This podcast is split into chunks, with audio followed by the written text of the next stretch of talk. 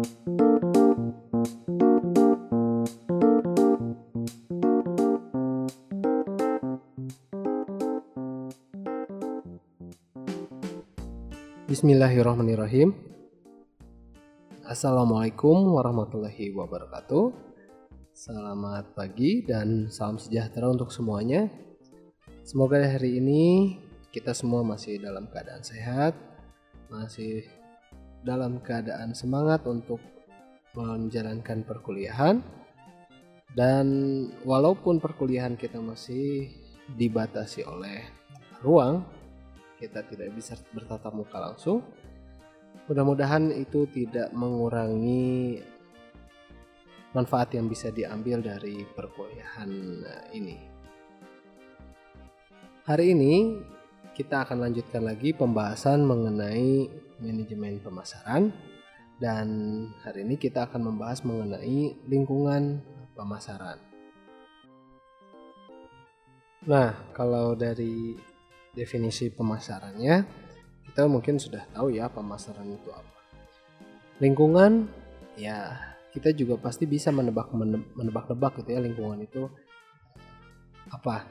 Secara sederhana kan lingkungan itu misalkan bisa diartikan sebagai kondisi yang ada di sekitar kita atau ada di sekitar sebuah perusahaan atau di sebuah lingkungan eh, situasi tertentu gitu ya di mana kondisi itu pasti memiliki keunikan tersendiri, memiliki karakteristik tersendiri dan memiliki potensinya sendiri, memiliki ancaman dan manfaatnya yang berbeda-beda. Yang di mana kalau kita melakukan satu aksi terhadap kondisi itu, maka dia akan memberikan timbal balik yang sesuai dengan apa aksi yang kita berikan. Nah, kalau digabungkan, misalkan jadi lingkungan pemasaran apa?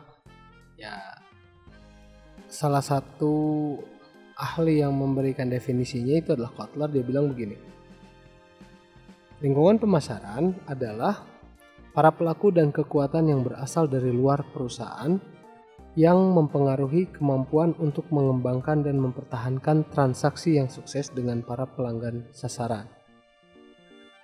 Itu uh, kata Kotler ya. Jadi ada beberapa kata kunci yang bisa diambil. Yang pertama itu adalah pelaku atau ke, dan atau kekuatan yang berasal dari luar eh, perusahaan. Nah, walaupun nanti sebetulnya ternyata tidak hanya dari luar perusahaan aja. Tetap ternyata ada juga ya dari internal perusahaan itu sendiri yang nantinya akan mempengaruhi. Oke, terus yang kedua, dia mempunyai kemampuan untuk mempengaruhi. Nah, kalau yang tidak mempengaruhi, kita bisa abaikan ini. Kalau ini mempengaruhi, maka itu harus menjadi perhitungan. Karena kenapa? Karena dia mempengaruhi e, perusahaan untuk mengembangkan dan mempertahankan transaksi gitu. Jadi ya dia bisa mempengaruhi sejalannya sebuah uh, organisasi, dia bisa mempengaruhi apakah perusahaan itu bisa menjual barangnya, apakah target pasar yang ditentukan itu bisa tercapai dan lain sebagainya. Nah, karena pengaruhnya ini terhadap proses pemasaran yang dilakukan, maka lingkungan ini harus menjadi perhatian khusus bagi para pemasar. Jadi tidak boleh ditinggalkan begitu aja. Lalu apa saja lingkungan pemasaran itu? Gitu. Kalau mungkin dulu pernah uh, ikut kelas retail atau mungkin misalkan masih ingat di mata kuliah retail, saya pernah mengatakan bahwa ada faktor yang bisa mempengaruhi retail secara makro maupun secara uh, mikro. Nah, di dalam pemasaran pun ya sama gitu ya. Karena konsepnya retail juga intinya adalah pemasaran. Nah, di dalam manajemen pemasaran apa sih gitu lingkungan makro itu ya lingkungan yang pada dasarnya ini kalau bahasa saya adalah sangat sulit untuk dirubah atau untuk dipengaruhi. Apa saja di antaranya ya mulai dari eh, teknologi, terus alam, demografis. Demografis itu termasuk di dalamnya adalah bagaimana struktur kependudukan, angka kelahiran, angka kematian dan lain sebagainya. terus juga kondisi ekonomi, sosial, budaya, terus uh, hukum, kebijakan dan uh, politik. Itu adalah kondisi-kondisi makro di mana pada level itu kita akan sangat sulit uh, untuk merubahnya. Kita sebagai contoh ya, kita coba pakai contoh adalah teknologi. Apakah kita bisa melawan uh, perkembangan teknologi? Saya kira sangat mustahil ya atau sulit gitu, untuk melawan teknologi itu. Ketika sekarang semua orang um, beramai-ramai misalkan beralih dari mesan makanan langsung ke toko sekarang orang pakai GoFood gitu. Atau pakai GrabFood. Karena ya teknologi sudah membantu itu. Atau misalkan ketika sekarang orang dengan mudah berbelanja secara online dia bisa pakai Tokopedia dia bisa pakai Shopee dan lain sebagainya. Sedangkan kita misalkan tidak memanfaatkan itu untuk saluran penjualan kita. Atau sebagai contoh lagi ya kita hari ini misalkan melihat di mana-mana orang bisa membuka toko online.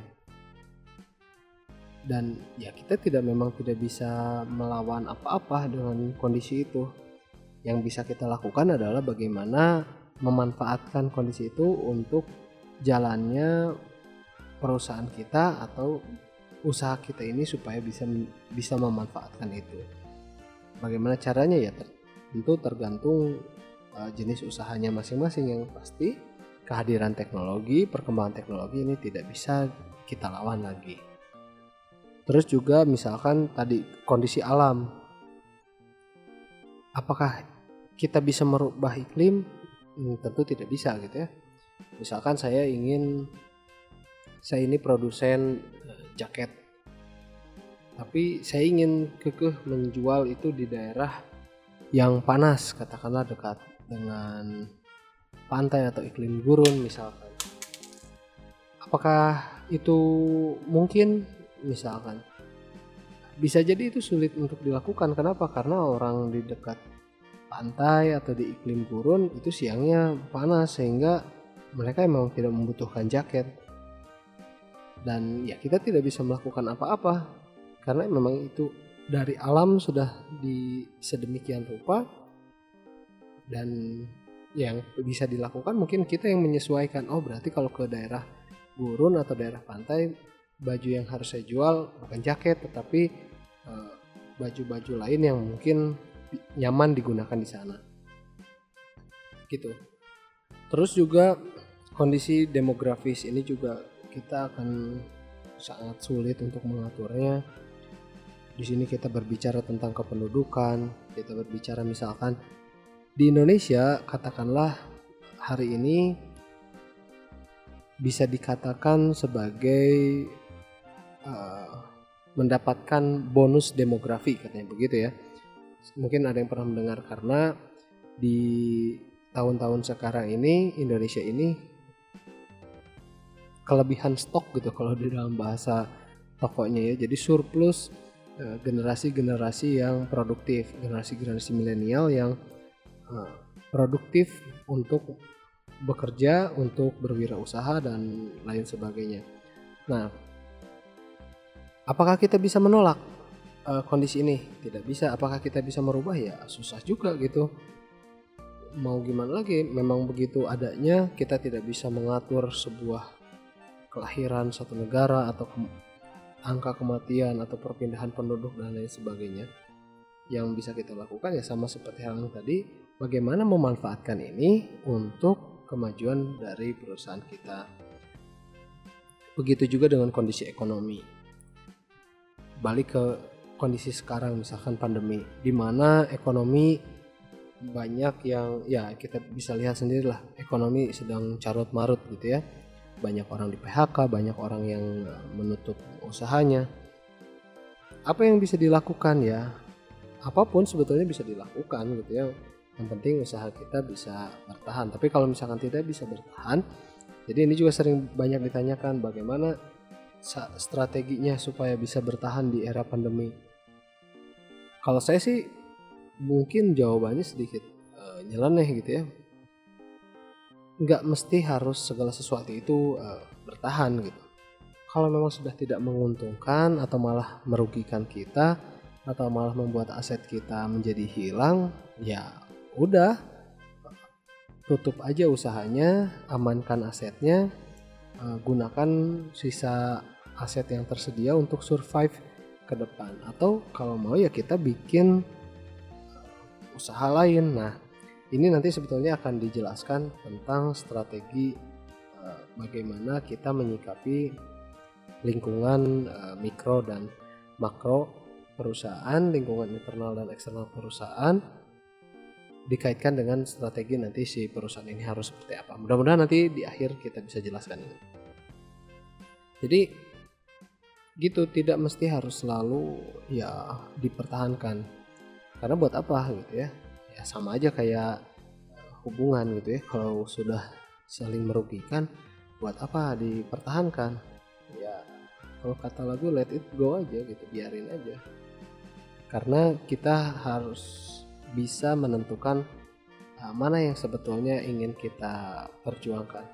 Apakah kita ingin membuka toko itu atau membuka usaha atau membuka perusahaan itu untuk mendapatkan keuntungan atau hanya sekedar untuk uh, gengsi-gengsian misalkan karena biar saya dikatakan seorang pengusaha.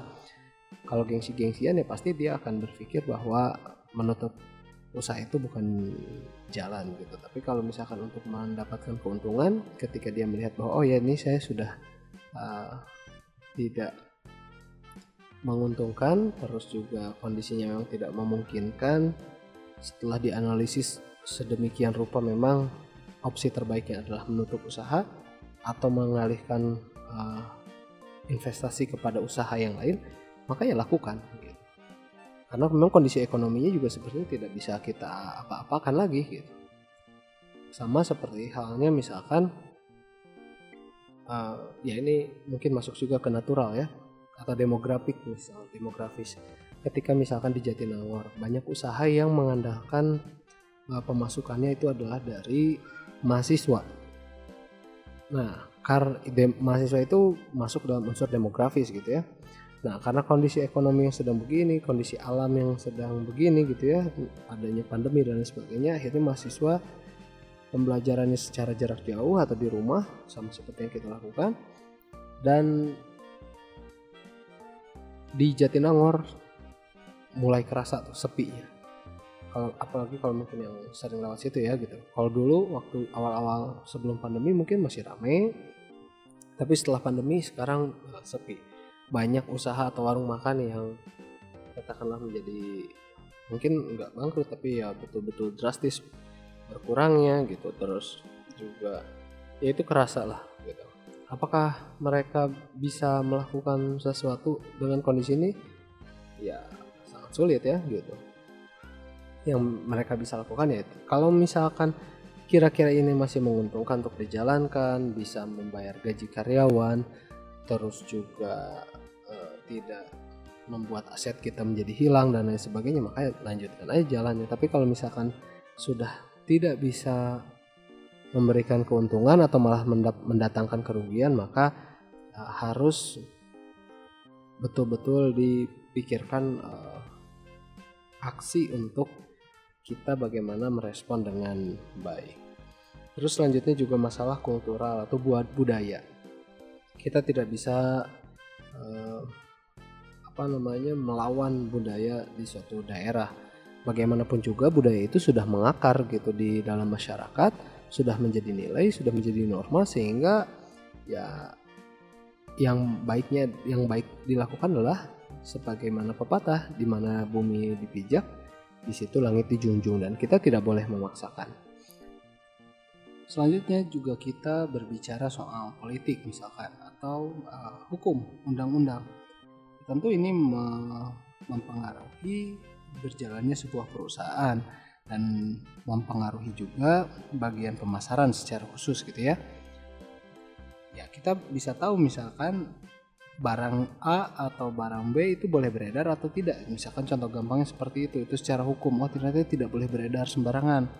Maka teknik pemasarannya pun akan berbeda.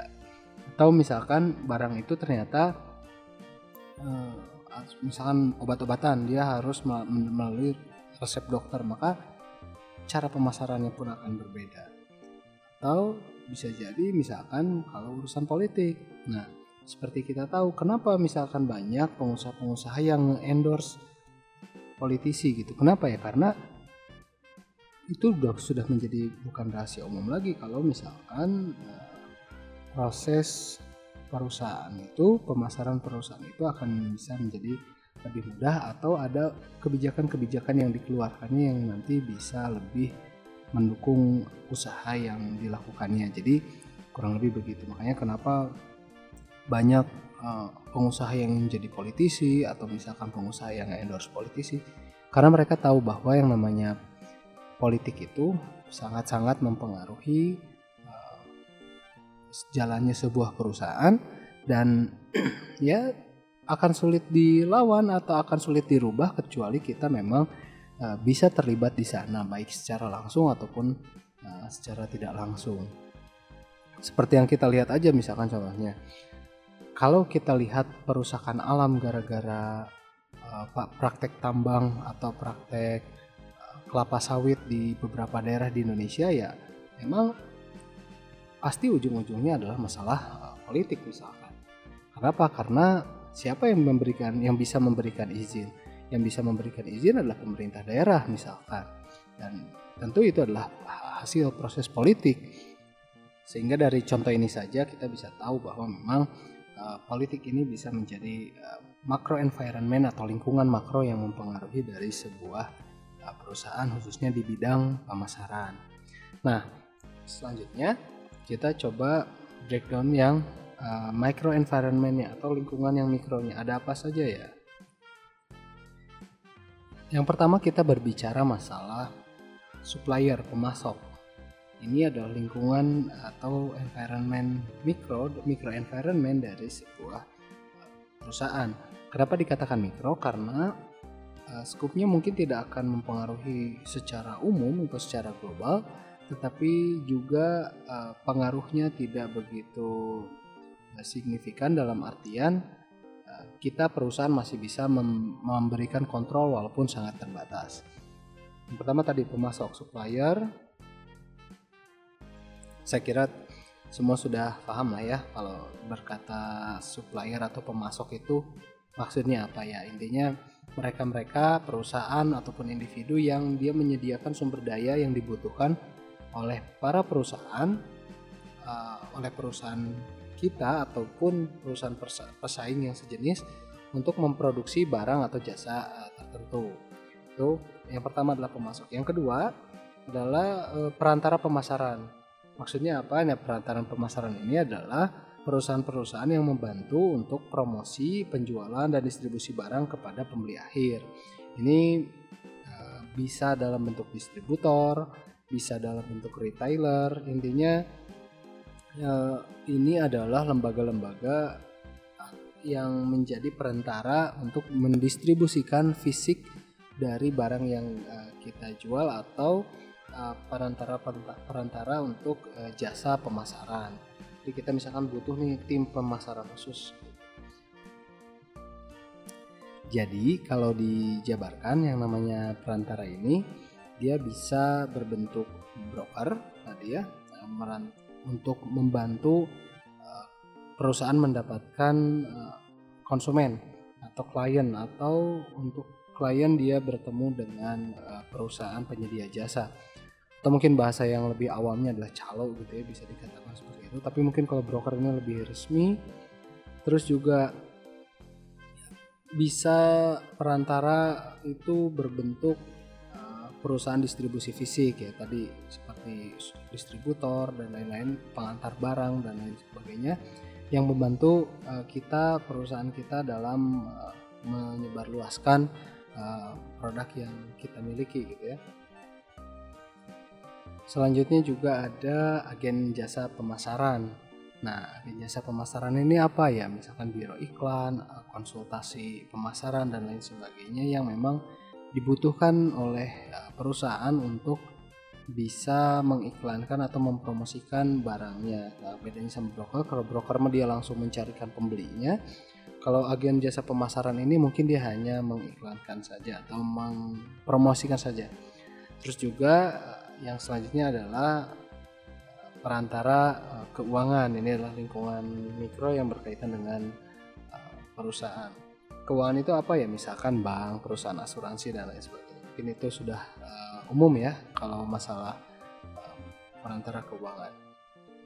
Nah selanjutnya juga lingkungan mikro yang sifatnya eksternal dari sebuah perusahaan itu adalah customernya atau konsumennya. Nah, ini memang kita tidak bisa kita biasa bisa mengontrol atau mempengaruhi tetapi memang kita uh, terbatas. Nah customer ini siapa? Ya saya selalu mengatakan bahwa segala eh, yang dikatakan customer potensial itu kalau dia punya tiga syarat. Yang pertama dia punya keinginan atau kebutuhan. Yang kedua dia memiliki sumber daya untuk ditukarkan.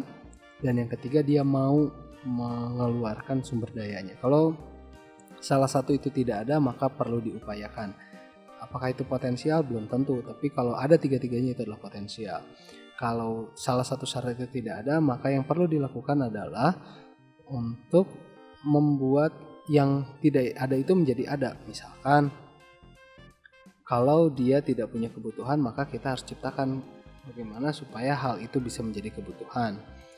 Kalau walaupun mungkin agak sulit ya. Kalau misalkan yang uh, permasalahannya adalah dia tidak punya sumber daya, maka bagaimana kita mensiasatinya? Apakah dengan cara membuat produk sejenis yang lebih murah atau dengan memberikan potongan harga atau seperti apa sehingga dengan sumber daya yang terbatas pun dia tetap bisa uh, membeli atau mendapatkan produk tersebut.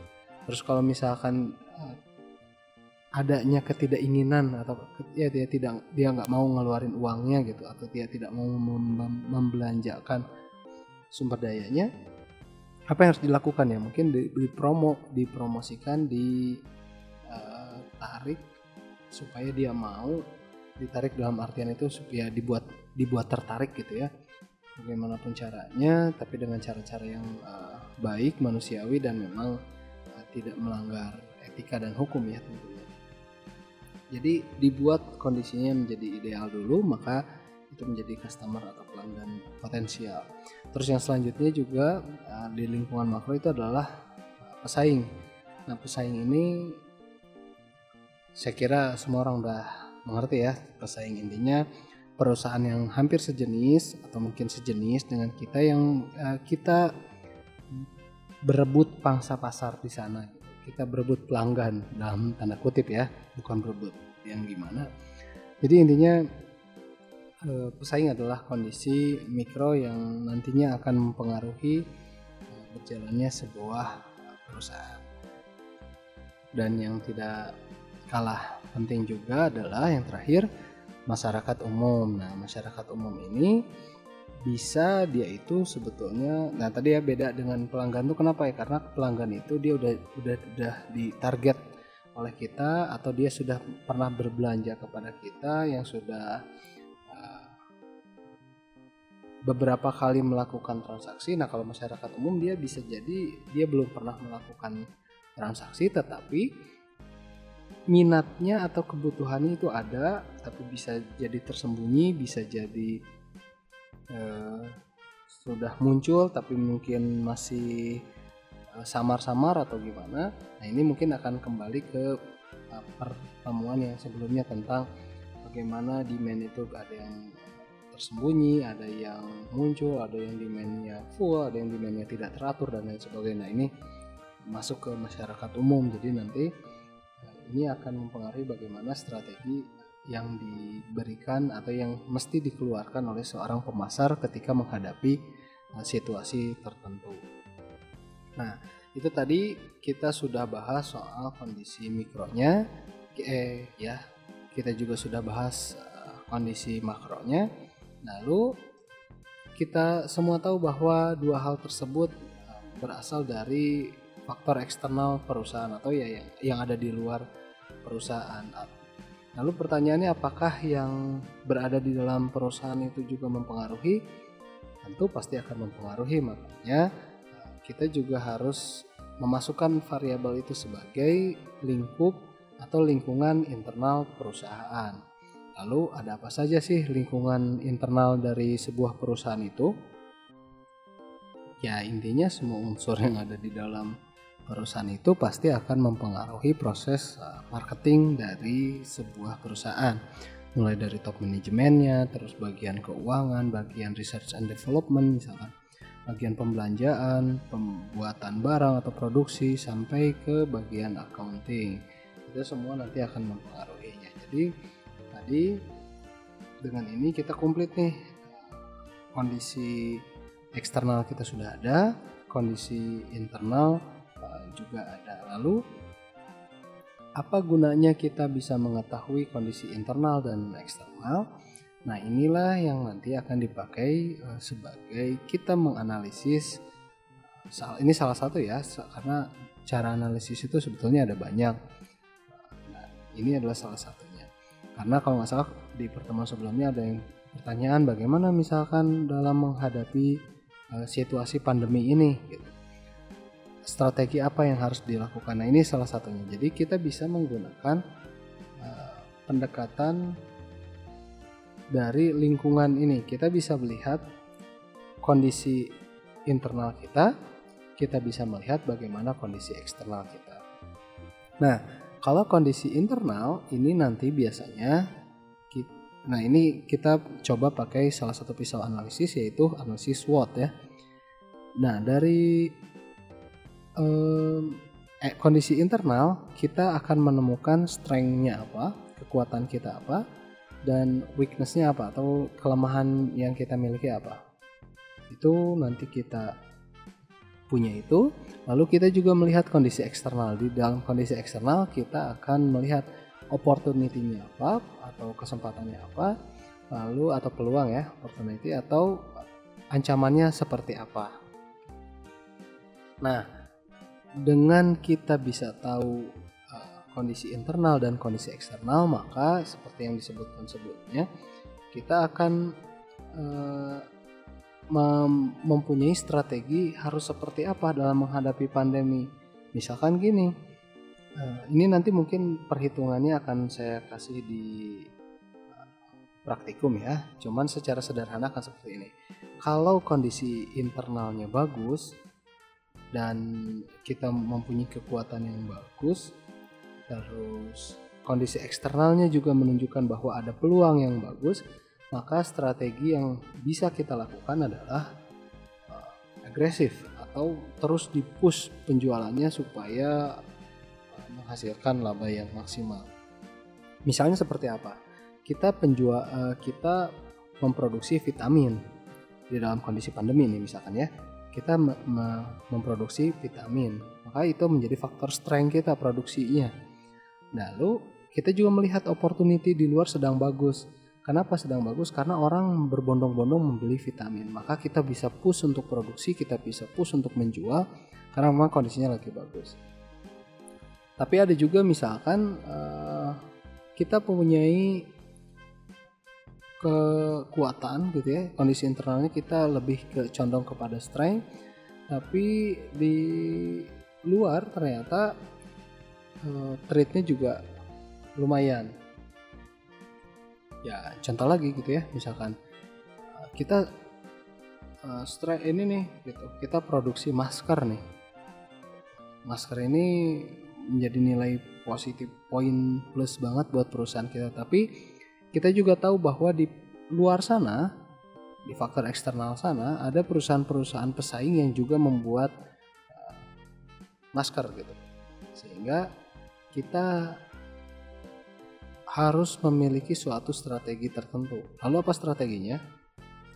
Dalam kondisi ini maka yang bisa diambil adalah diversification atau kita membuat sebuah perbedaan. Karena ya itu tadi supaya kita bisa menjadi lebih menonjol dibandingkan yang lain atau kita bisa berbeda sehingga bisa terlihat oleh uh, pasar. Terus juga ada kondisi di mana misalkan kita dari sisi internal kita ini berada dalam kondisi weakness gitu ya. Kita nilainya minus gitu untuk menghadapi pandemi ini gitu ya. tetapi dari segi eksternal ternyata eh, environmentnya atau lingkungannya mendukung nih. Opportunity-nya terbuka banyak peluang yang terbuka. Maka kita bisa menggunakan strategi turn around. Maksudnya turn around itu apa ya? Bisa putar balik atau putar haluan gitu ya atau ya misalkan kita kejar opportunity itu. Jadi jangan memaksakan yang weakness kita kita kejar opportunity-nya supaya uh, dengan sisa-sisa yang kita miliki. Nah, jadi bisa jadi merubah konsepnya gitu ya. Merubah yang tadinya jualan uh, apa akhirnya berubah jadi jualan apa itu turn around strategi. Terus juga ada kondisi di mana misalkan dia internalnya weaknessnya sangat uh, parah gitu ya atau di perusahaannya cenderung weakness dan di luar juga trade-nya sangat uh, banyak gitu ya maka yang bisa dilakukan adalah defensif. Nah kalau saya pribadi sebetulnya mengartikan defensif ini bukan ber, eh, dalam artian begini kita harus mempertahankan aset kita. Saya selalu berkata seperti itu. Jadi kalaupun memang usaha tidak bisa mungkin jalan lagi yang paling penting adalah bagaimana kita mengamankan aset supaya aset kita tidak habis. Karena ya buat apa usaha dijalankan kalau aset juga habis? Nah makanya ini perlu analisis yang lebih uh, detail gitu ya, yang lebih dalam. Nah ketika saya memutuskan untuk misalkan berhenti dari uh, bisnis sejenak gitu ya karena menghadapi pandemi bisa jadi itu adalah strategi defensif tadi. Kenapa? Karena internal saya weakness, weak nih gitu untuk menghadapi situasi yang kayak gini. Dan trade-nya terlalu banyak sehingga ya saya kira defensif lebih aman lah. Tentu masih banyak strategi-strategi defensif lain selain tadi yang menutup usaha. Itu hanya penafsiran saya aja. Nanti mungkin kita akan coba bagaimana cara menghitungnya sampai menemukan uh, nilai bahwa oh ternyata perusahaan saya ini ada di posisi turnaround atau perusahaan saya ini ada di uh, posisi uh, agre harus agresif dan lain sebagainya. Cuman intinya dengan kita mengetahui kondisi internal dan eksternal maka kita bisa melakukan analisis yang sangat sederhana ini untuk uh, menentukan apakah posisi kita ada di turnaround atau di agresif atau di defensif atau di diversification sehingga kita bisa menentukan cara terbaik untuk menjalankan bisnis atau melakukan pemasaran selanjutnya. Oke, uh, saya kira untuk pertemuan hari ini segitu dulu saja. Mudah-mudahan itu cukup untuk menjadi trigger atau uh, stimulus untuk mencari lagi, untuk membaca lagi, mencari referensi di berbagai sumber dan juga mungkin bisa memunculkan eh, ide-ide untuk diskusi kita. Jadi silahkan apa yang ada ingin didiskusikan kita diskusikan dan seperti biasa sebetulnya diskusi itu tidak perlu bertanya ya. Kita juga boleh memberikan tanggapan kita juga boleh menjawab pertanyaan eh, dari siapa pun. Baik terima kasih. Semoga kita semua sehat selalu. Mohon maaf apabila ada kalimat yang tidak berkenan. Semoga kita diberikan kesehatan. Wassalamualaikum warahmatullahi wabarakatuh.